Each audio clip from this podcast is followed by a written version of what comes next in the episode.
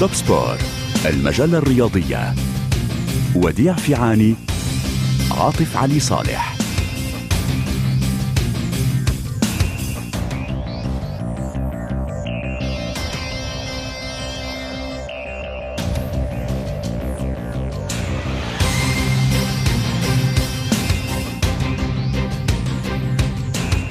أهلا وسهلا بكم وكل سنة وأنتم طيبين. عام جديد مديد سعيد. نتمنى لكل المستمعين مستمعي مونتي كارلو الدولية التحية مني ومن كل الطاقم العامل في مونتي كارلو الدوليه وديع مازن وكل الزملاء والزميلات بمناسبة العام الجديد.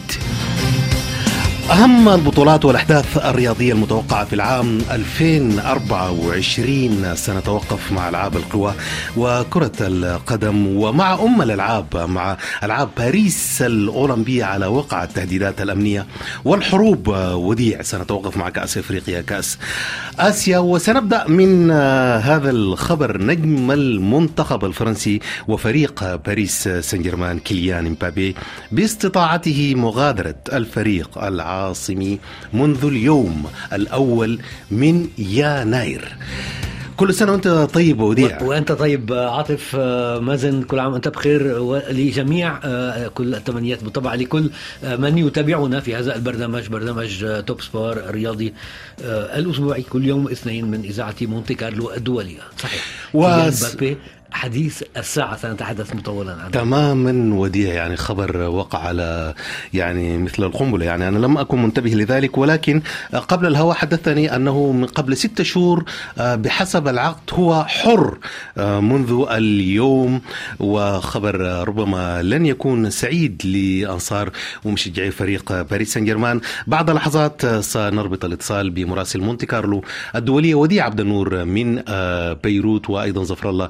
المؤذن من تونس ونزيه كرشاوي الصحفي والمحلل الرياضي من تونس. خذنا إلى هذا الخبر من تونس هذا خذنا إلى هذا الخبر وديع وتفاصيل هذا الخبر. كيف كيليان مبابي هو حر منذ اليوم؟ صباح اليوم كنت ألقيت نظرة على الصحف الدولية الأوروبية والجميع يتحدث عن كيليان امبابي إن كانت الصحافة الفرنسية الصحافة الإنجليزية الصحافة الإسبانية بالطبع الجميع يتحدث عن كيليان امبابي لا توجد الكثير من الأخبار الرياضية اليوم في هذا اليوم الأول من العام الجديد. ولكن هناك خبر مهم جدا هو أن ابتداء من اليوم اليوم كيليان بابي كما هو حال العديد من لاعبي كرة القدم الآخرين حقيقة أصبح حرا باستطاعته أن يوقع مع أي فريق يريد. مجانا.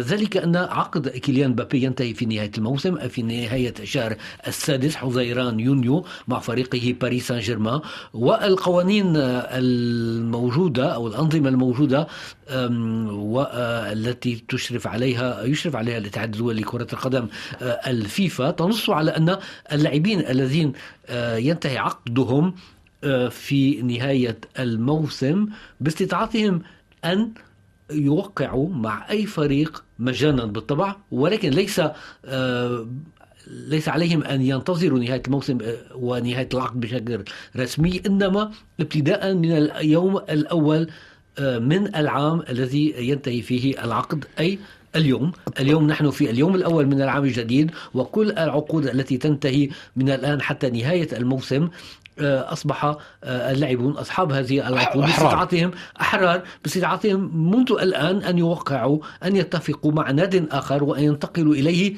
مجانا.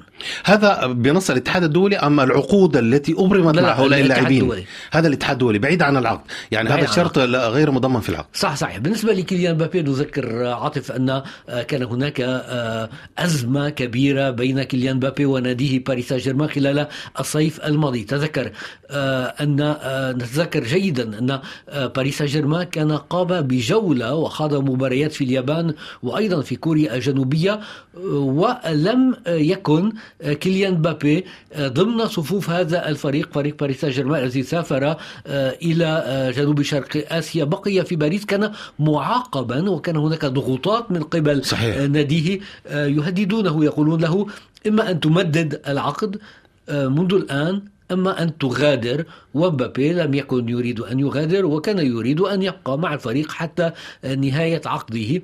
وفي النهاية تذكر جيدا هذه الجولة الودية آه، في اليابان في كوريا الجنوبية من دون مبابي. ثم بداية الموسم مع أول مباراة من الدوري الفرنسي من دون كيليان مبابي. ثم عاد كيليان مبابي آه، وكأن شيء لم يكن. نعم. ولعب وسجل الكثير من الأهداف بالطبع مع فريقه باريس سان جيرمان.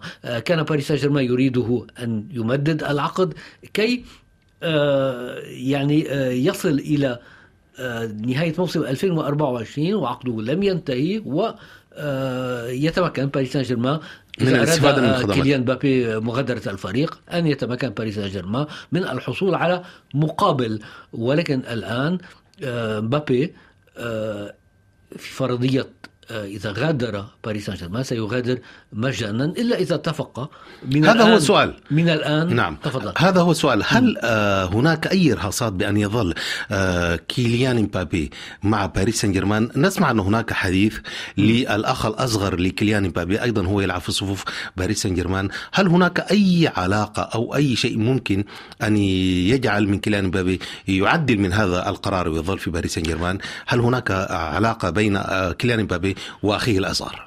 لا لا المسألة لا تتعلق بالشقيق آه، الذي يبلغ السادسة عشرة أو السابعة عشرة والذي قضى أول مباراة له آه، نتذكر جيدا آه، في العشرين من الجاري يوم الجولة الأخيرة ويوم ميلاد عيد ميلاد كيليان مبابي صحيح, صحيح أيضا.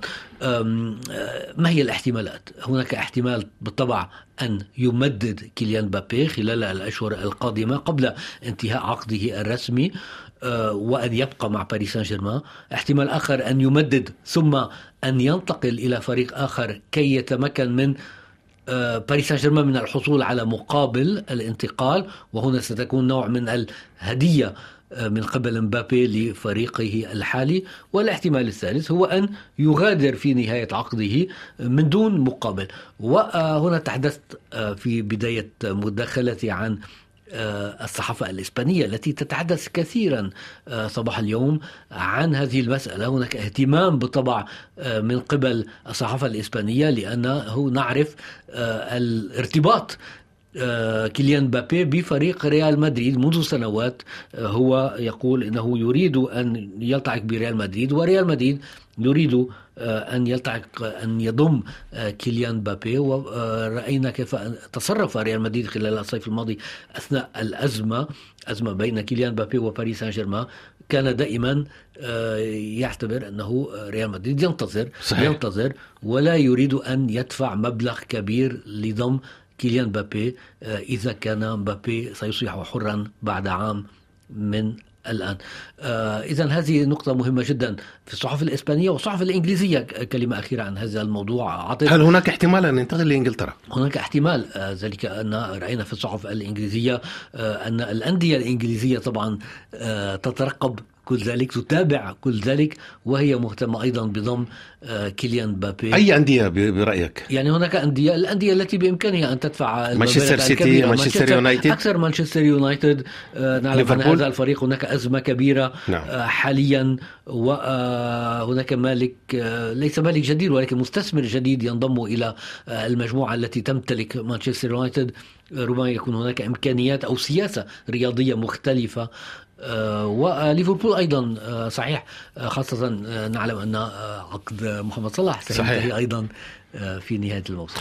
اذا ينضم إلينا المحلل الرياضي من تونس نزيه كرشاوي، نزيه كل سنة وأنت طيب. كل سنة وأنت طيب نزيه أهلا وسهلا بك. كل عام وأنتم بخير بارك الله فيكم وتحية لكل المستمعين وكل الضيوف في اذاعه مونتي كارلو الدولية. هل نودع كيليان مبابي منذ اللحظة أم انه هناك مفاجآت ربما؟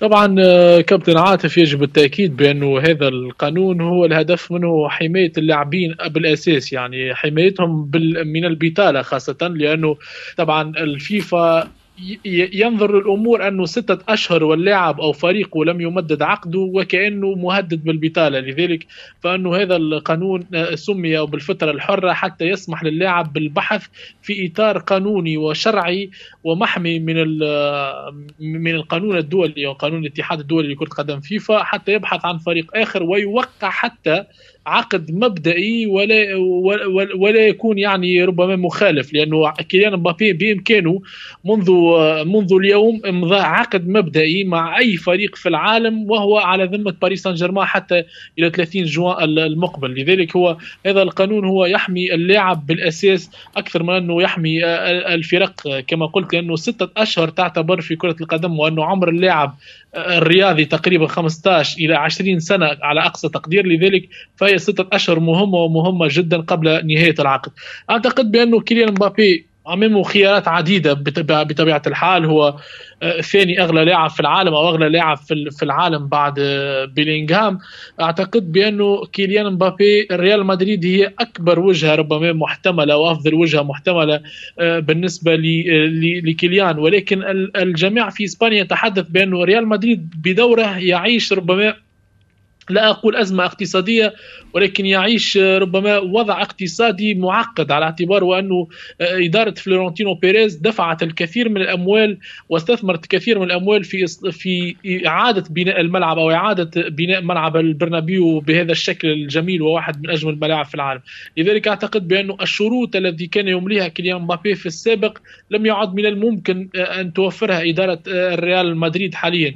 يجب أيضا التاكيد بأنه أكبر منافس ربما حسب الصحافة نعم. الإنجليزية. أكبر منافس للريال في ضم كيليان مبابي هو ليفربول. يعني ليفربول هو أكبر ضم أكبر منافس ربما لريال مدريد على اعتبار وأنه ربما آه، آه، ستاتي لخزينة النادي أو ستنتعش خزينة النادي بما يقارب ال 200 مليون يورو من عملية بيع صلاح المرتقبة الصيف المقبل إلى اتحاد جدة أو أي نادي آخر يرغب في ضم آه، صلاح بعد نهاية الموسم خاصة إذا توج بالبريمير ليج هذا الموسم. ثم أيضا توماس توخيل الذي عبر صراحة مدرب بايرن ميونخ وإدارة النادي الألماني التي عبرت صراحة في ضم في, في رغبتها في ضم أو برغبتها في ضم كيليان مبابي ولو أنه صعب جدا أن يذهب إلى بطولة مثل البطولة الألمانية كيليان مبابي وهو اللاعب المتحدي الذي يبحث دائما عن الإنجازات طبعا الجماعية قبل حتى أن تكون فردية. نعم. علما نزيه ان آه، طبعا عادة فريق بايرن ميونخ لا يدفع هذه المبالغ يتجنب الدفع المبالغ الدفع المبالغ الضخمة. آه، اذا هناك يعني منافسة ربما شديدة تكون بين ريال مدريد والأندية الإنجليزية. نعم. آه ذكرنا ليفربول ونذكر أيضا مانشستر يونايتد. أكثر من تشيلسي تشيلسي ربما لديه إمكانيات ولكن هناك فوضى نوع من الفوضى في هذا الفريق منذ آه الموسم الماضي. من المستبعد أن يكون كيليان بابي أن آه يختار نادي آه، يعني بهذا المستوى حاليا. نعم آه ينضم إلينا أيضا زفر الله المؤذن مراسل مونتي كارلو الدولي. أهلا وسهلا زفر الله. به. أهلا وسهلا زفر الله. أهلا وسهلا وكل آه الأماني بالسعادة والصحة لكم جميعا ولمستمعي راديو مونتي كارلو الدولي. إذا ظفر الله آه كيليان مبابي هل يبحث عن المال أم عن الألقاب؟ ما هي الوجهة القادمة؟ أعتقد أنه لا يبحث كثيرا عن الأموال بقدر ما يبحث عن وجهة آه، يعني تكون مناسبة بالنسبة إليه أو بيئة خصبة يحقق فيها حلمه اولا Champions آه، League ثم الكرة الذهبية. وأعتقد أن الوجهة الوحيدة المتاحة والممكنة آه، والقادرة على استقطاب كيليان مبابي هي ريال مدريد. لا أرى مبابي يلعب في نادي آخر غير ريال مدريد لسبب بسيط. وهو أنه قال أكثر من مرة بأن اللاعب آه، لريال مدريد نادي القرن هو حلم حياته. ثم هو آه، الآن يريد يريد ترك آه، باريس سان جيرمان وهذا من الواضح يعني. والآن تبقى إشكالية كيف سيخرج من باريس سان جيرمان هل يخرج يعني في هذا الميركاتو الشتوي أو يخرج في شهر يونيو القادم بدون مليم يعني بالنسبة لباريس سان جيرمان هذه إشكالية كبيرة. الآن هناك يعني عملية لوي ذراع بين باريس سان جيرمان وكيليان مبابي حسب حسب ما فهمت. آه إذا انتقل كيليان سيكون ستكون صفقة الموسم لأن سعره الآن تقريبا هو الأعلى بين أجور اللاعبين النجوم الكبار. نعم. آه، أكيد علما أن آه، يعني كل الأوراق هي في النهاية بحوزة آه، كيليان بابي هو الرجل القوي في هذه المحادثات عندما ستنطلق إن كان في مواجهة باريس سان جيرمان أو حتى مع ريال مدريد. نعلم أن الأندية عندما تستقطب لاعب جديد إذا كان حرا بدلا من أن تدفع المبلغ إلى النادي. إذا كان اللاعب حر يكون هناك مبالغ تدفع للاعب. هو بحد ذاته كحوافز. حوافز ولكن أيضا يعني نوع من المبالغ التي تدفع للاعب لوكلائه آه، عوضا أن تدفع إلى النادي آه، الذي كان يلعب معه. آه، إذا كان حرا طبعا لا داعي لأن يدفع ريال مدريد لنعتبر لباريس سان جيرمان سينتقل حرا حرا بالنسبة لباريس سان جيرمان ولكن بالنسبة لريال مدريد سيكون هناك عقود مبالغ أيضا تعطى لي إضافية ربما لكيليان بابي مبالغ أكثر آه، من التي آه، كانت أعطيت له لو كان مرتبطا ما زال مرتبطا مع باريس سان جيرمان إذا وينضم إلينا أيضا من إسطنبول الصحفي آه، الرياضي أحمد سعيد. كابتن أحمد كل سنة وأنت طيب. كل سنة وأنتم طيبين ودايما بخير يا رب. وأنت طيب. يعني آه الآن آه نلاحظ يعني حتى نختم هذا الملف وننتقل لموضوع آخر. نتحدث عن كيليان إمبابي وهو يعني هناك لم يخفي آه هذا اللاعب آه الرغبة في الانتقال لريال مدريد. وريال مدريد يتعامل بشح الآن ربما مع كيليان إمبابي. هل كيليان إمبابي هو ضحية هذه التصريحات ومن الحب ما قتل؟ يعني أعلن عن حبه لريال مدريد ولكن الآن ريال مدريد يتعامل آه، في ال minimum لاتمام هذه الصفقة. آه، كلام كتير في الصحف الأسبانية يا كابتن ويمكن على ال social media كل جماهير ريال مدريد حلم كبير بالنسبة لها إن امبابي يلبس تيشيرت ريال نعم. مدريد. من صغره ومن زمان ومعروف العلاقة الحميمة ما بين ريال مدريد ومبابي. والحلم الكبير عند مبابي ان هو يلبس تيشيرت ريال مدريد. لكن المشكلة في ممكن تقول آه، كرامة بيريز نقحه عليه شوية باللهجة المصرية. مم. اللي هو يعني أنا هروح لمبابي تاني وهعرض عليه. ريال مدريد عرض أكتر من مرة على ريال على مبابي إن هو آه، يروح يلعب في ريال مدريد. لكن المشكلة دلوقتي إن أنت آه، بتواجه حلم مبابي بانه كان يفوز بدوري أبطال أوروبا مع باريس. آه، يمكن وصل سنه أكتر من 25 سنة كان بيحتفل من فترة قصيرة بعيد ميلاده 25 ما فاتش ما فاتش لحد دلوقتي بدوري أبطال أوروبا. آه حقق كأس العالم مع منتخب فرنسا حقق دوري الأمم. لكن دايما في اللعيبة الكبار دوري الأبطال مهم جدا في مسيرتهم إن هو يكون موجود في سيرته الذاتية دوري أبطال أوروبا. آه، مبابي هيغامر إن هو يكمل مع باريس أو يحقق حلمه إن هو يروح ريال مدريد. أعتقد إن إحنا خلال الأيام اللي جاية بدأت الصحف الاسبانيه تتكلم بشكل كبير إن ريال مدريد هيقدم عرض أخير لمبابي. هل هيقبل بيه ولا لأ؟ هو ده اللي هنبدأ نشوفه خلال الأيام الجاية يا كابتن. جميل. آه جميل آه أحمد. إذا آه فاصل وننتقل لموضوع آخر. توب سبور مونتي كارلو الدولية.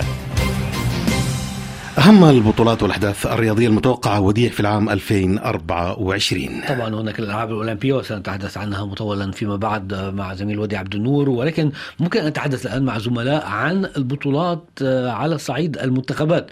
آه، كل في كل القارات هناك مسابقات بطولات أمم آه، إفريقيا بالطبع التي تقام كل عامين هذا العام في الكوت ديفوار وتنطلق بعد أقل من أسبوعين في الثالث عشر من الجاري في الكوت ديفوار. إذا وفي نفس الوقت بطولة أمم آسيا التي تنطلق يوم آه، قبل آه، الكان آه، في قطر. وفي منتصف العام هناك بطولة أمم أوروبا في ألمانيا وبطولة الكوبا أمريكا لمنتخبات أمريكا الجنوبية. زائد منتخبات آه، ضيفة أيضا آه، من أمريكا الشمالية أو الوسطى أو الكاريبي آه، تقام في الولايات المتحدة بعد تعثر الإكوادور من تنظيم المسابقة. ممكن أن نبدأ بالحديث عن الكان بطولة أمم أفريقيا.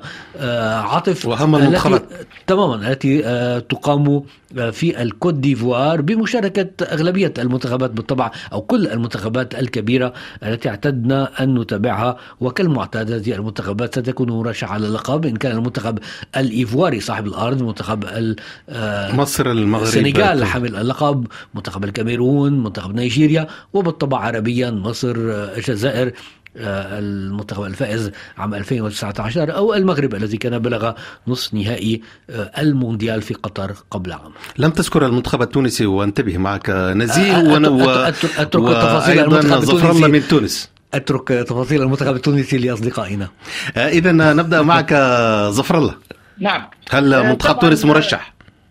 طبعا الكان أعتقد أنها من أبرز الأحداث الدولية لأن بطولة أفريقيا أعتقد أنها ستقدم طبقا دسما لعشاق كرة القدم. تقريبا أكثر من 60 لاعبا ينضمون إلى المنتخبات الإفريقية يحترفون في الدوريات الأوروبية الكبيرة في البريمير ليج في ألمانيا في إسبانيا في فرنسا في إيطاليا إلى غير نعم. ذلك والخليج أيضا آه اذا كل العيون ستكون متجهة إلى الكوت ديفوار بلد ديديه دروغبا طبعا المرشحون تقليديا آه هم معروفون يعني أسماء كبيرة آه، يعني نبدأ بالافارقه آه، القارة السمراء يعني يكفي ذكر الكاميرون والمستضيف الكوت ديفوار يعني من أبرز المرشحين. لكن هنا مفارقة لست أدري إذا أنتم تتفقون معي. يعني الجزائر المغرب على سبيل المثال التي آه، وصلت إلى نصف نهائي كأس العالم لم تحقق هذا اللقب إلا مرة واحدة، يعني كانت بيضة الديك لم تتكرر منذ ذلك الوقت. الجزائر أيضا آه، إحدى المنتخبات يعني القوى الكبيرة العظمى في القارة السمراء لم تحقق اللقب إلا مرتين. تونس آه إذا آه مصر طبعا هي التي لها نصيب الأسد من هذه الكيكة أو التورتة كما تشاء. آه، مصر ستكون أيضا بقيادة محمد صلاح. آه، كالعادة مصر تعرف كيف آه، تأكل الكتف من هذه البطولات. فإذا أتصور أن المنافسة ستكون قوية جدا. هناك بالطبع كل وكلاء اللاعبين سيكونون نعم. موجودون. هناك الاستثمار. لمتابعة آه، ربما آه، آه، الشبان. هناك شبان سوف نراهم سوف تكتشفهم هذه النسخة الجديدة. نعم. مواهب جديدة. نزيه هل هناك إشكاليات؟ هناك بعض أهم نجوم في المنتخب التونسي لن يلتحقوا بالمنتخب لأسباب أو أخرى؟ طبعا. أعتقد بأنه فعلا المنتخب التونسي آه، آه، ليس من المرشحين البارزين يعني للتتويج باللقب. يعني ربما يجي في أعتقد شخصيا يجي في مرتبة سادسة ربما في الترشيحات للقب يعني. آه، لعدة أسباب في الحقيقة. أولها أولها ربما حالة التخبط الإداري. تعرف أن رئيس الاتحاد التونسي كان مهم جدا يعني سواء بالسلب أو بالإيجاب يعني دوره وحضوره أعتقد أنه كان مهم يعني في هذا المرحلة بالذات. الجميع يتحدث عن إيقاف وسجن آه، رئيس الاتحاد. أيضا ما زال مسجونا آه، آه، نزيه بالضبط من شهر أكتوبر تحديدا من يوم 25 أكتوبر هو ما زال يقبع في السجن يعني بالنسبة للوديعة الجريء أيضا انتقادات كبيرة وقلة ثقة ربما من الجماهير التونسية في في الجهاز الفني لمنتخب تونس. ثم أيضا في الحقيقة حتى جودة اللاعبين يعني المتوفرة حاليا والجيل الحالي يعني مش من لا أعتقد أنه جيل قادر على التتويج باللقب يعني حتى هناك واحد من أفضل اللاعبين نزيه قاطعك هو آه، حنبال المجبري الذي رفض الانضمام إلى المنتخب التونسي. لم نفهم الأسباب تحديدا. وهو في الحقيقة يمكن يمكن القول بأنه اعتذار واتفاق يعني أكثر من أنه رفض لأنه لأنه اللاعب يعني اللاعب هو لا يلعب يعني لا يشارك باستمرار. صحيح أنه نجم ونجومية كبيرة في تونس على اعتبار أنه من القلائل الذي وصل أن يلعب في مانشستر يونايتد ولكن حنا بعد مجبري لا يشارك إلا نادرا مع مانشستر يونايتد وهو حتى في خيارات الجهاز الفني لمنتخب تونس حتى في المسابقات السابقة والمعسكرات الماضية كان دائما تقريبا رقم أربعة أو حتى رقم خمسة لأنه أمامه والياس سخيري الذي يلعب في اونتراخت فرانكفورت في ألمانيا ثم عيسى عيدوني في مرتبه ثانية ثم أنيس بن سليمان لاعب شيفيلد يونايتد في مرتبه ثالثة محمد علي بن رمضان في مرتبه رابعة وحمزة رفيعة أيضا يلعب في ليتشي في مرتبه خامسة وربما حنبعل في مرتبه سادسه لذلك هو تحدث عن وسط ميدان المنتخب.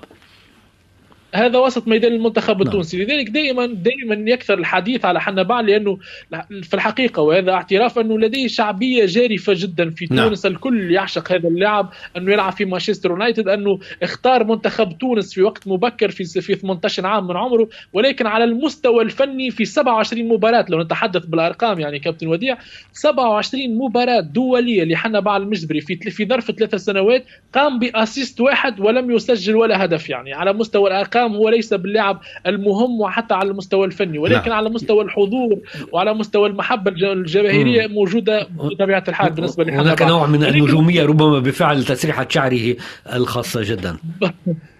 بالضبط بالضبط. يعني جميل. نعم. هذا هو. ولكن خليني نقول يعني على ترشيحاتي أنا شخصيا إيه، في كوت ديفوار أعتقد في في منتخب يعني رغم رغم أنه قوي جدا ولكن لا يمكن لا, لا أحد أعتقد انه يرشحه لأنه حتى حاولت بعض النجوم الأفارقة القدامى لا أحد يتحدث عن منتخب نيجيريا. أعتقد بأنه منتخب نيجيريا هو المرشح رقم واحد في نظري للتتويج باللقب بقيادة أوسيمين أفضل لاعب إفريقي. المنتخب هذا لو لم يخرج بضربة حظ أقولها صراحة وهنا تونسي امام منتخب تونس بضربة يوسف المساكني في ثمن النهائي الكان الماضية كان ممكن أن يتوج حتى في الكاميرون لأنه منتخب قوي جدا وتحسن ونضج أكثر بهجوم ناري خاصة بأوسيمين واللاعب الثاني اللي لعب في أعتقد في في باير ليفركوزن. فأعتقد بانه منتخب نيجيريا المرشح رقم واحد ثم نعم. كوت ديفوار اثنين ثم المغرب أو المغرب والسنغال آه، ثلاثة يعني.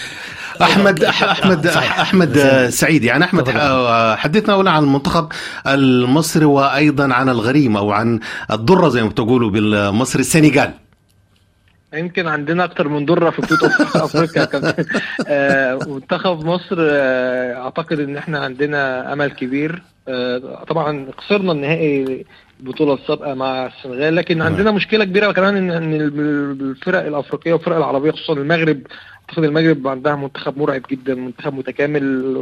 من وجهة نظري أنا هو الأقرب لفوزه بالبطولة الأفريقية القادمة. لكن على خصوص المنتخب المصري طبعا إحنا لسه عندنا عقدة باص لمحمد صلاح. كل الفريق بيلعب في خدمة محمد صلاح. لسه ما عندناش آه، إمكانية إن إحنا نخلق منتخب آه، زي منتخب جيل أبو تريكة وعصام الحضري ومحمد زيدان اللي كانوا بيلعبوا ككتلة واحدة وهو ده اللي كان فارق مع حسن شحاتة وقدر يسيطر على أفريقيا لمدة سنين طويلة. لكن لكن هي المشكلة عندنا إن كل النجومية وكل الفريق بيتمركز على آه، حالة محمد صلاح البدنية والذهنية. محمد صلاح فايق يقدر يقود الفريق.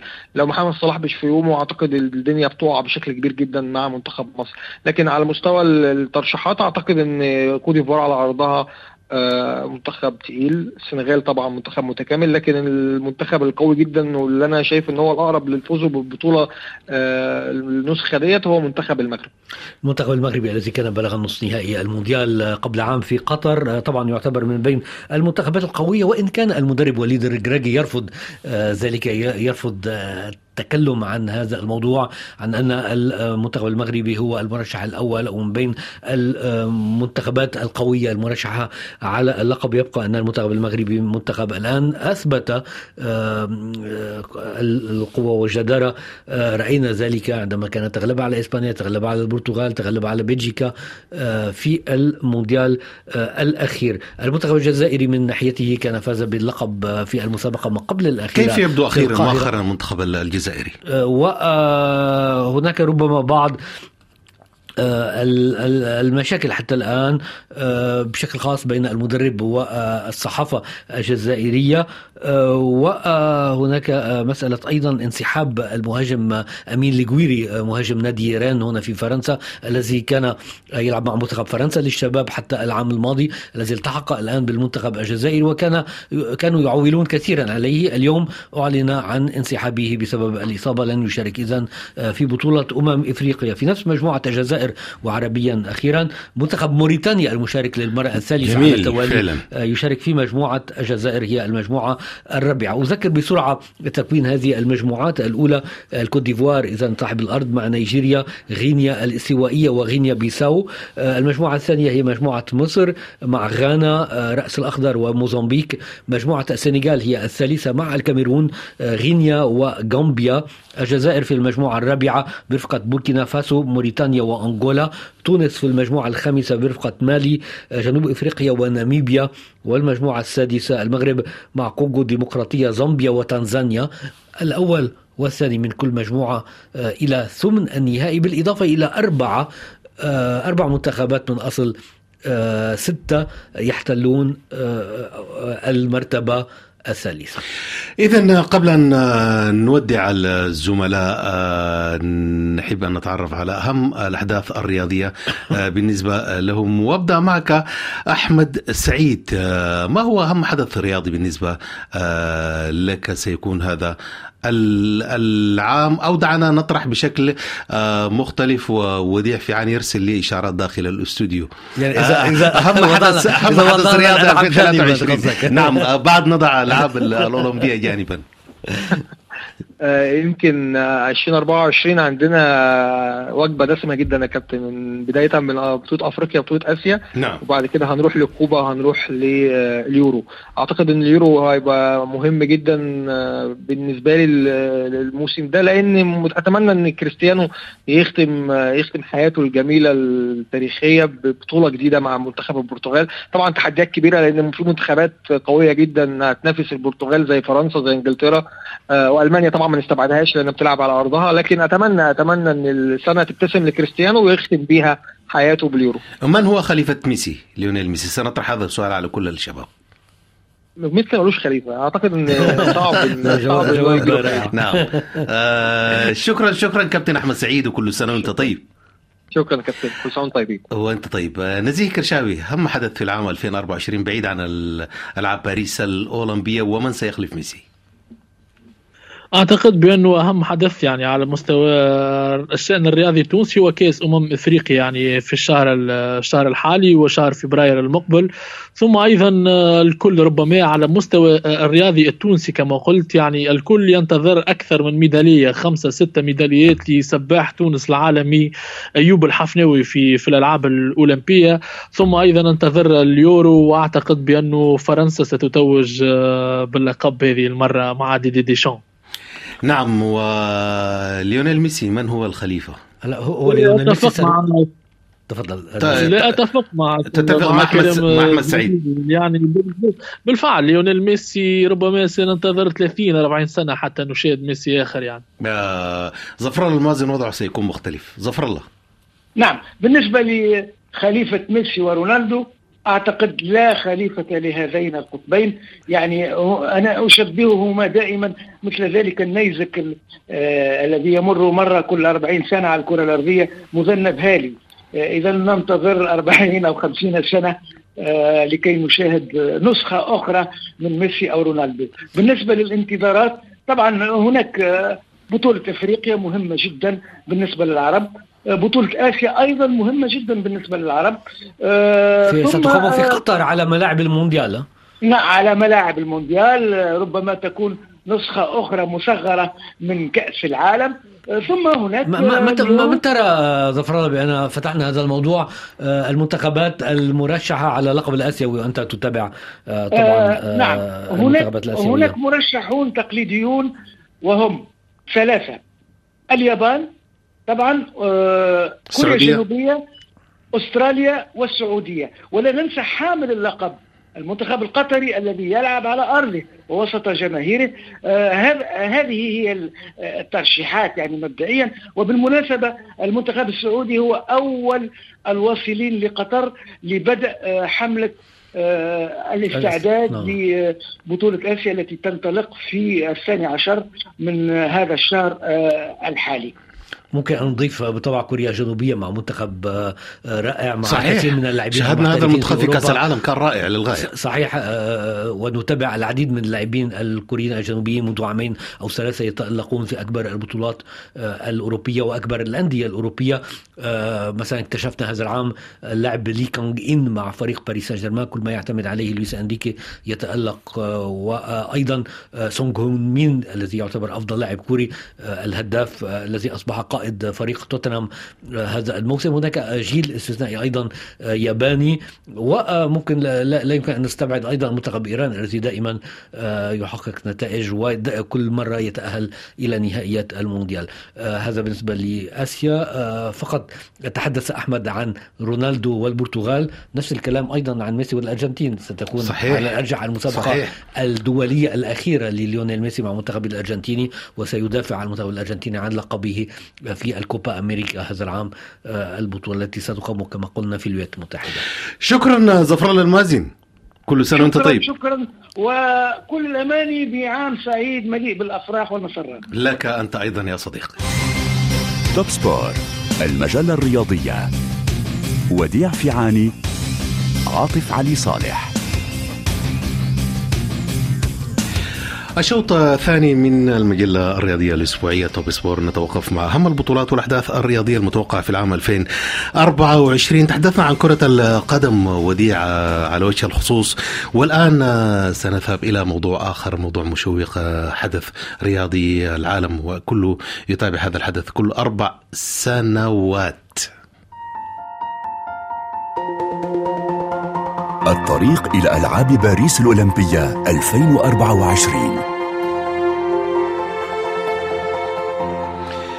إذا وينضم إلينا مراسل مونتي كارلو الدولية من بيروت وديع عبد النور. وديع كل سنة وأنت طيب؟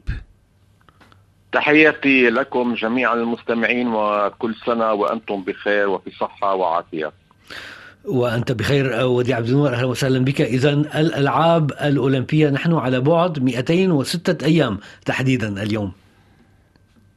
بالفعل 206 أيام قبل آه، ايقاظ الشعلة آه، في عدا حفل الافتتاح في 26 من تموز يوليو المقبل. إذانا بانطلاق ألعاب أولمبية صيفية جديدة وبعد انتهائها وبنحو 15 يوما انطلاق ألعاب بارالمبيه صيفية جديدة. اذا تتحدث عن الشعلة لنذكر المستمعين ماذا ينتظرنا بالنسبة للشعلة. كالمعتاد ومسار الشعلة. تماما. توقد كالمعتاد أين؟ في آه، في اليونان آه، مهد الألعاب الأولمبية الحديثة آه، في القديمة. القديمة, القديمة. أيضا في في مدينة أولمبيا هناك طبعا. آه، كانت تقام الألعاب آه، قبل ربما خمسة ألاف عام والشعلة تقد هناك ثم تنقل عبر اليونان حتى الشواطئ اليونانية ثم على متن قارب آه، قديم شراعي قديم. آه، ينقل هذه الشعلة من اليونان حتى مدينة مرسيليا سيصل مدينة مرسيليا في الثامن من شهر أيار آه، مايو. وبعد ذلك هذه الشعلة ستحمل آه، من قبل العديد من الناس رياضيين وغير رياضيين من مرسيليا حتى باريس مرورا بالعديد من المدن الفرنسية في الأراضي الفرنسية وأيضا في أراضي فرنسية عبر البحار. لندخل بالتفاصيل معك جميل عبر البحار هذه. آه، طبعا هي ليت لا, لا تنقل دائما على متن باخرة شراعية أو مركب أو ما شابه. كل مرة لها طريقة مختلفة. عادة آه، عموما تنقل بالطائرة حسب المسافات الطويلة. هذه المرة آه، صدف بأن تقع على البحر المتوسط اليونان وأيضا الطرف الجنوبي من من فرنسا. من هنا هذا هناك اعتبارات بيئية أيضا في نفس الوقت. اعتبارات بيئية سنتحدث عنها وأيضا لإحياء حضارة العالم القديم. أي في بحر الأبيض المتوسط كانت حضارة العالم القديم التي انطلقت إلى الأرجاء المعمورة. إذا بعد الوصول إلى مرسيليا وكل الترتيبات والمراسم ستكون هناك المسارات داخل الأقاليم الفرنسية والمدن وأيضا عبر المقاطعات خلف البحار كما ذكرت وديع. ووصولا إلى اليوم المنتظر.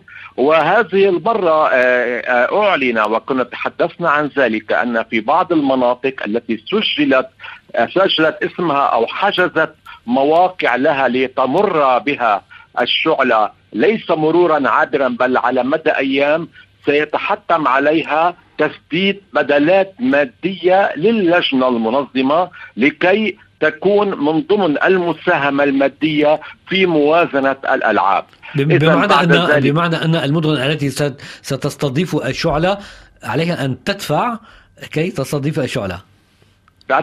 كأنها تستقبل حدثا آه، استعراضيا فنيا نعم. آه، لاعتبارات أن هذا مرور الشعلة أو المناسبة لن تقتصر فقط على هذا المرور مع تكريم أبطال سابقين ووجوه من المجتمع وناشطين على مختلف الأصعدة يساهمون في مواكبة الشعلة أو في حملها لكن أيضا ستكون هناك برامج موازية برامج فنية برامج نعم. ثقافية نعم. وحتى برامج رياضية نعم. طيب كل الشعلة وحاملي الشعلة. آه نعم. عاطف آه دائما نتساءل من يحمل الشعلة؟ كيف يختارون الناس الذين يحملون الشعلة؟ يدفع فلوس. لا لا, لا أعتقد. لا لا, لا. آه أو بداية هناك آه اختيار الأشخاص لحمل الشعلة يكون كتكريم لهؤلاء على مسيرة معينة على إنجازات معينة. وأيضا سيطرح هذه المرة للجمهور من خلال قرعة أي هناك أسماء تسجل من خلال الشركات التي سترعى هذا المسار سترعى تكاليف آه، يعني طواف الشعلة في آه، المناطق الفرنسية. وكل من له علاقة في الألعاب الأولمبية في التنظيم في باريس في في في فرنسا سيكون له متاحا له من خلال ترتيبات معينة أن يكون لك له ممثلين يحملون الشعلة أو يواكبون هذه الشعلة، لكن الشرف الأكبر يكون دائما لأبطال مميزين سابقين، لأشخاص خدموا المجتمع نعم. على اصعده مختلفة وليس فقط الاصعده الرياضية يعني... وتبقى الحماسه أو قطع حبس الأنفاس من سيكون آخر من سيحمل هذه نعم. الشعلة عند إيقاظها في المرجل وفق طريقه مختلفة سيكون في الساحة في أحد ساحات العاصمة الفرنسية باعتبار أن الاحتفال الافتتاح سيكون حتى الساعة مختلفا من ناحية سنتحدث سنتحدث عن ذلك. ولكن آه، تحدثت عن آه، آخر من يحمل الشعلة من يقود الشعل من يقود آه، الشعلة أيضا. كيف يختارون هذا البطل؟ كيف اختاروا هذا البطل أو هؤلاء الأبطال هل عرفت الشخصية حتى الآن؟ لا لا, نعم. لا هذا يكشف عن ذلك أو حتى نكشف نكتشف ذلك في اللحظات, في اللحظات الأخيرة, الأخيرة يعني عندما يستلم آه، الشعلة. ولكن ودي عبد النور كيف حصلت الأمور في ألعاب سابقة؟ مثلا في طوكيو عام 2021 في ريو آه، في آه، لندن في لوس أنجلوس. إلى آخره. مثلا كيف يختارون؟ يختارون عموما يكون من يختار الأخير لحمل أو من يكون في الجولة الأخيرة أو على الكيلومتر الأخير أبطال من طينه مختلفة من طينه مميزة أساطير نعم. في ألعاب علي كلاي مثلا محمد علي كلاي عندما كان وهو يرتجف وأرجف العالم معه عندما أوقد الشعله صحيح. في مرجل أتلانتا هناك أسماء كثيرة. ربما أشخاص يكونون مضى على آه، على رمزية فوزهم أكثر من عقد من الزمن. هؤلاء يختارون. مثلا في فرنسا عندما يكلف أحد لحمل العلم الأولمبي في مسار الطواف هناك يكون تصويت بين الرياضيين. ولا أعتقد هذه المرة أن الصيغة ستختلف من ناحية التصويت على بعض الأبطال. لكن كما هو معروف هناك حفنه قليلة سيكون سعيد الحظ من بينها إن كان رياضية أو رياضيا. والمعتقد أن تكون هناك رياضية ورياضي نعم. الذين سيتولون هذا الشرف في المرحلة الأخيرة. أجل نعم. باعتبار أن الدورة الأولمبية أيضا نذكر دورة باريس ستكون الدورة الأولى التي يكون فيها عدد الرياضيات متساويا لعدد الرياضيين الذين سيتنافسون طبعا. يعني هناك مساواة خيار مساواة بين الرجال آه، والسيدات نعم. على آه، يعني في الكثير من الأمور في هذه نعم. حتى نستفيد من الوقت. يعني أيضا آه، افتتاح الاولمبياد سيكون بحجم حدث الشعلة أيضا لأنه سيكون هناك سيتم اولا إغلاق نهر السين من الملاحة لمدة أسبوع وسيحتلي الفرق المشاركة ستحتري قوارب وتمر على نهر السين فبالتالي يتبادر إلى الذهن الهاجس الأمني والحديث عن وجود قناصين في الأسطح المباني العمارات العالية وأيضا إجراءات مشددة للوصول إلى ضفة السيل لمتابعة هذا الافتتاح الخرافي. الخرافي إذا وصلنا إلى السادس والعشرين من شهر تماما. تموز يوليو يوم الافتتاح. آه، هنا وللمرة الأولى في تاريخ الألعاب الأولمبية الافتتاح لن يحصل داخل ملعب مغلق إنما في الفضاء. في الفضاء وعلى نهر السان آه، ودي عبد النور. على مجرى نهر السين مسافة ستة كيلومترات. هذا كان أعلن عنه آه، قبل اختتام دورة طوكيو. أعلن ذلك في طوكيو الرئيس الفرنسي وقت ذاك إيمانويل ماكرون. كان وقت ذاك أيضا في ولايته الأولى. حتى الساعة كل السيناريوهات تصب في هذا الإطار. مع كل الإجراءات مع كل التفاصيل الاستثنائية واللجنة الأولمبية الدولية من خلال آه، اللجنة الخاصة بالتنظيم والتي تنسق مع اللجنة المحلية المنظمة وافقت على مختلف التفاصيل. لكن قد يبقى السؤال في حال وقع أي طارئ. هل هناك من سيناريو معد آه، ثاني خطه بديلة. خطة بديلة. آه، كانت كل الأمور تقول أن لا سيناريو حتى الآن. حتى خرج الرئيس الفرنسي نفسه قبل نحو أسبوعين وأعلن أن الأمور ستكون وفق مقتضيات الميدانية وقت ذاك أي أن هناك ربما سيناريو ثاني أو ثالث. سيما وأن المسار الذي ستسير عليه أو ستطوف عليه آه، المراكب التي تحمل البعثات الرياضية على آه، مسافة ستة كيلومترات مع وجود طبعا لجمهور كبير كبير ليس لم لم تشهده أي دورة أولمبية في الافتتاح أي حوالي 400 ألف متفرج. كل ذلك يحتم أن تكون هناك تحديات أمنية وإجرائية كبيرة وهذا حتى الآن مأخوذ بعين الاعتبار ويخضر له. اذا تبقى الأمور في خواتيمها. إذا وصلنا إلى آه، الافتتاح يوم الافتتاح في السادس والعشرين من آه، تموز يوليو. وبعد ذلك الدورة الأولمبية تنطلق وكالمعتاد تستمر على أسبوعين. هذه هي المدة التي آه، تقام خلالها الألعاب الأولمبية دائما في مختلف الرياضات. عدد الرياضات ودي عبد النور عدد المشاركين. عدد الرياضات يتخطى 33 آه، مسابقة ولعبة فردية وجماعية التي معتمدة أو مدرجة في الدورة ضمن البرنامج الأولمبي. هناك ألعاب آه، جديدة ستكون للمرة الأولى تعتمد ميدالياتها رسميا كالبريك دانس آه، مثلا.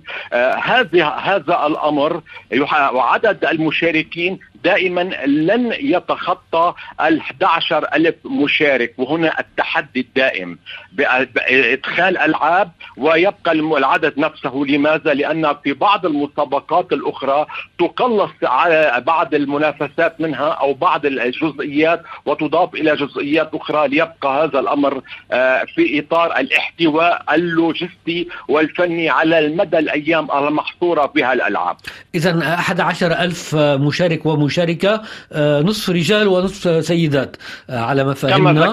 والألعاب آه، إذا هي نفس الألعاب التي كانت معتمدة في بطولة في الدورات الأولمبية السابقة. أم كان هناك هناك بعض التغييرات؟ يعني ذكرت رياضة ال break dance وهي طبعا. بالواقع هي كلمة أو رياضة ال breaking هذه التسمية التي اعتمدت رسميا هذه جديدة بالنسبة لطوكيو. ولكن هناك رياضات كانت موجودة في طوكيو والآن لن لن نتابعها لن نراها في باريس. هناك رياضات أدرجت في طوكيو جديدة وبقيت آه، مثل رياضة التسلق أو آه، أو رياضة كرة السلة لثلاثة لاعبين. لكن مثلا الرياضة مميزة وناجحة أدخلت في طوكيو للمرة الأولى في ألعاب طوكيو وهي الكاراتيه ولفرنسا أبطال بارزين فيها كاديل كوستا بطل العالم والذي أحرز الذهبية في طوكيو لكنها آه، ألغيت أو حذفت من برنامج 2024 علما أن الرياضات جديدة وبعضها غريب بالنسبة لجمهور كبير من من هواة الرياضة سيكون آه، من ضمن مدرجا في دورة 2026 إذا نعم إذا الآن نتحدث عن حظوظ العرب في أولمبياد باريس. تبعنا في الفترة الأخيرة وديح في ألعاب القوى هناك أسماء وهناك ميداليات. للعرب خاصة في منطقة الخليج. آه، صحيح. آه، وفي الألعاب الأولمبية السابقة كنا نتابع آه، إذا ميداليات يحصل عليها ممثلو الدول الخليجية عموما في ألعاب القوى.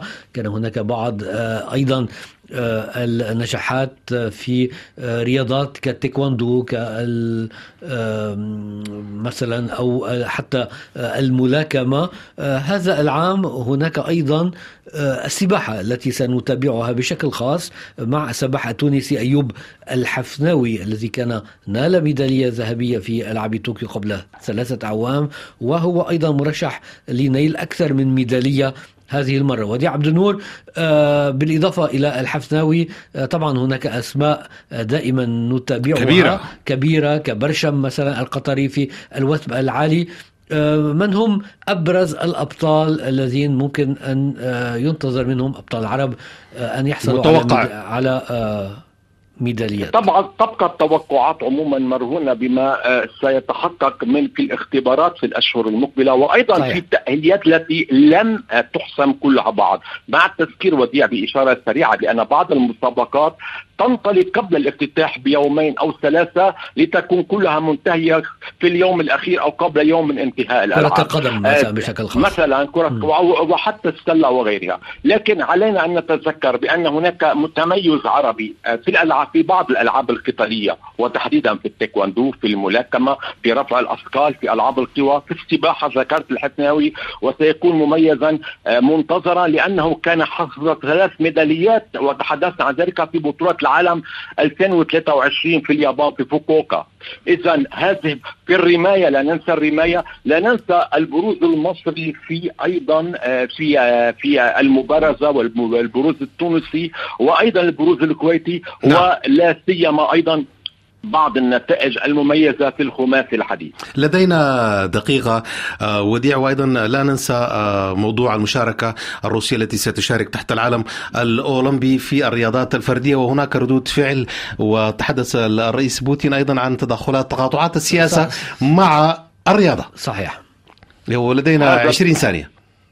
هذا بالفعل الشهرين أو الأشهر الثلاثة وحتى آذار المقبل ستكون الصورة أكثر آه، يعني أكثر وضوحا بالنسبة لكل ما يتعلق بحظوظ المشاركة الروسية الفردية أشدد والبيلاروسية علما أن بعض المسابقات الفردية اتحاداتها الدولية لن تستطيع أن تقيم ذلك. تماما. اذا آه، هذا بالنسبة للمشاركة الروسية التي لم تحسب بعد. مبدئيا كما ذكر ردي عبد النور هناك مشاركات طبعا في الرياضات الفردية فقط نعم. وليس لن يكون هناك منتخبات. وفي الرياضات الفردية هناك آه، طبعا شروط وأيضا شروط يعني شروط متعلقة بالحرب في أوكرانيا وشروط أيضا متعلقة بتناول المنشطات. ذلك أن هذه المسألة لم تحسم بعد آه، نسبة للمشاكل التي كانت طالت الرياضيين الروس لا سيما في رياضة ألعاب القوى من تناول منشطات ولا سيما وديع خوض التصفيات لأن بعض المسابقات اجريت تصفياتها ولم يكن هناك بيلاروس وروس فيها أي ستغيب نعم. سيغيب رياضيوها عن آه، باريس 2024 أكيد اذا دورة الألعاب الأولمبية الصيفية التي ستقام في باريس الصيف آه، المقبل وتليها دورة الألعاب البارالمبية صحيح. آه، التي تقام أيضا في باريس في ملاعب ليست بالضرورة في كل الملاعب التي ستحتضن الألعاب وهنا أيضا سيكون أيضا حظوظ للمشاركين العرب آه، مشاركات آه، حظوظ أكبر. كبيرة لا سيما من الرياضيين التونسيين والجزائريين. شكرا وديع عبد النور وكل سنة وأنت طيب. وأنتم طيبين. الطريق إلى ألعاب باريس الأولمبية 2024 بهذا نكون قد وصلنا لنهاية المجلة الرياضية الأسبوعية وديع إلى اللقاء في إلى اللقاء المقبل. الأسبوع المقبل ونحيي كل المستمعين مازن أيضا كل سنة وأنت طيب وتحية لكم أينما كنتم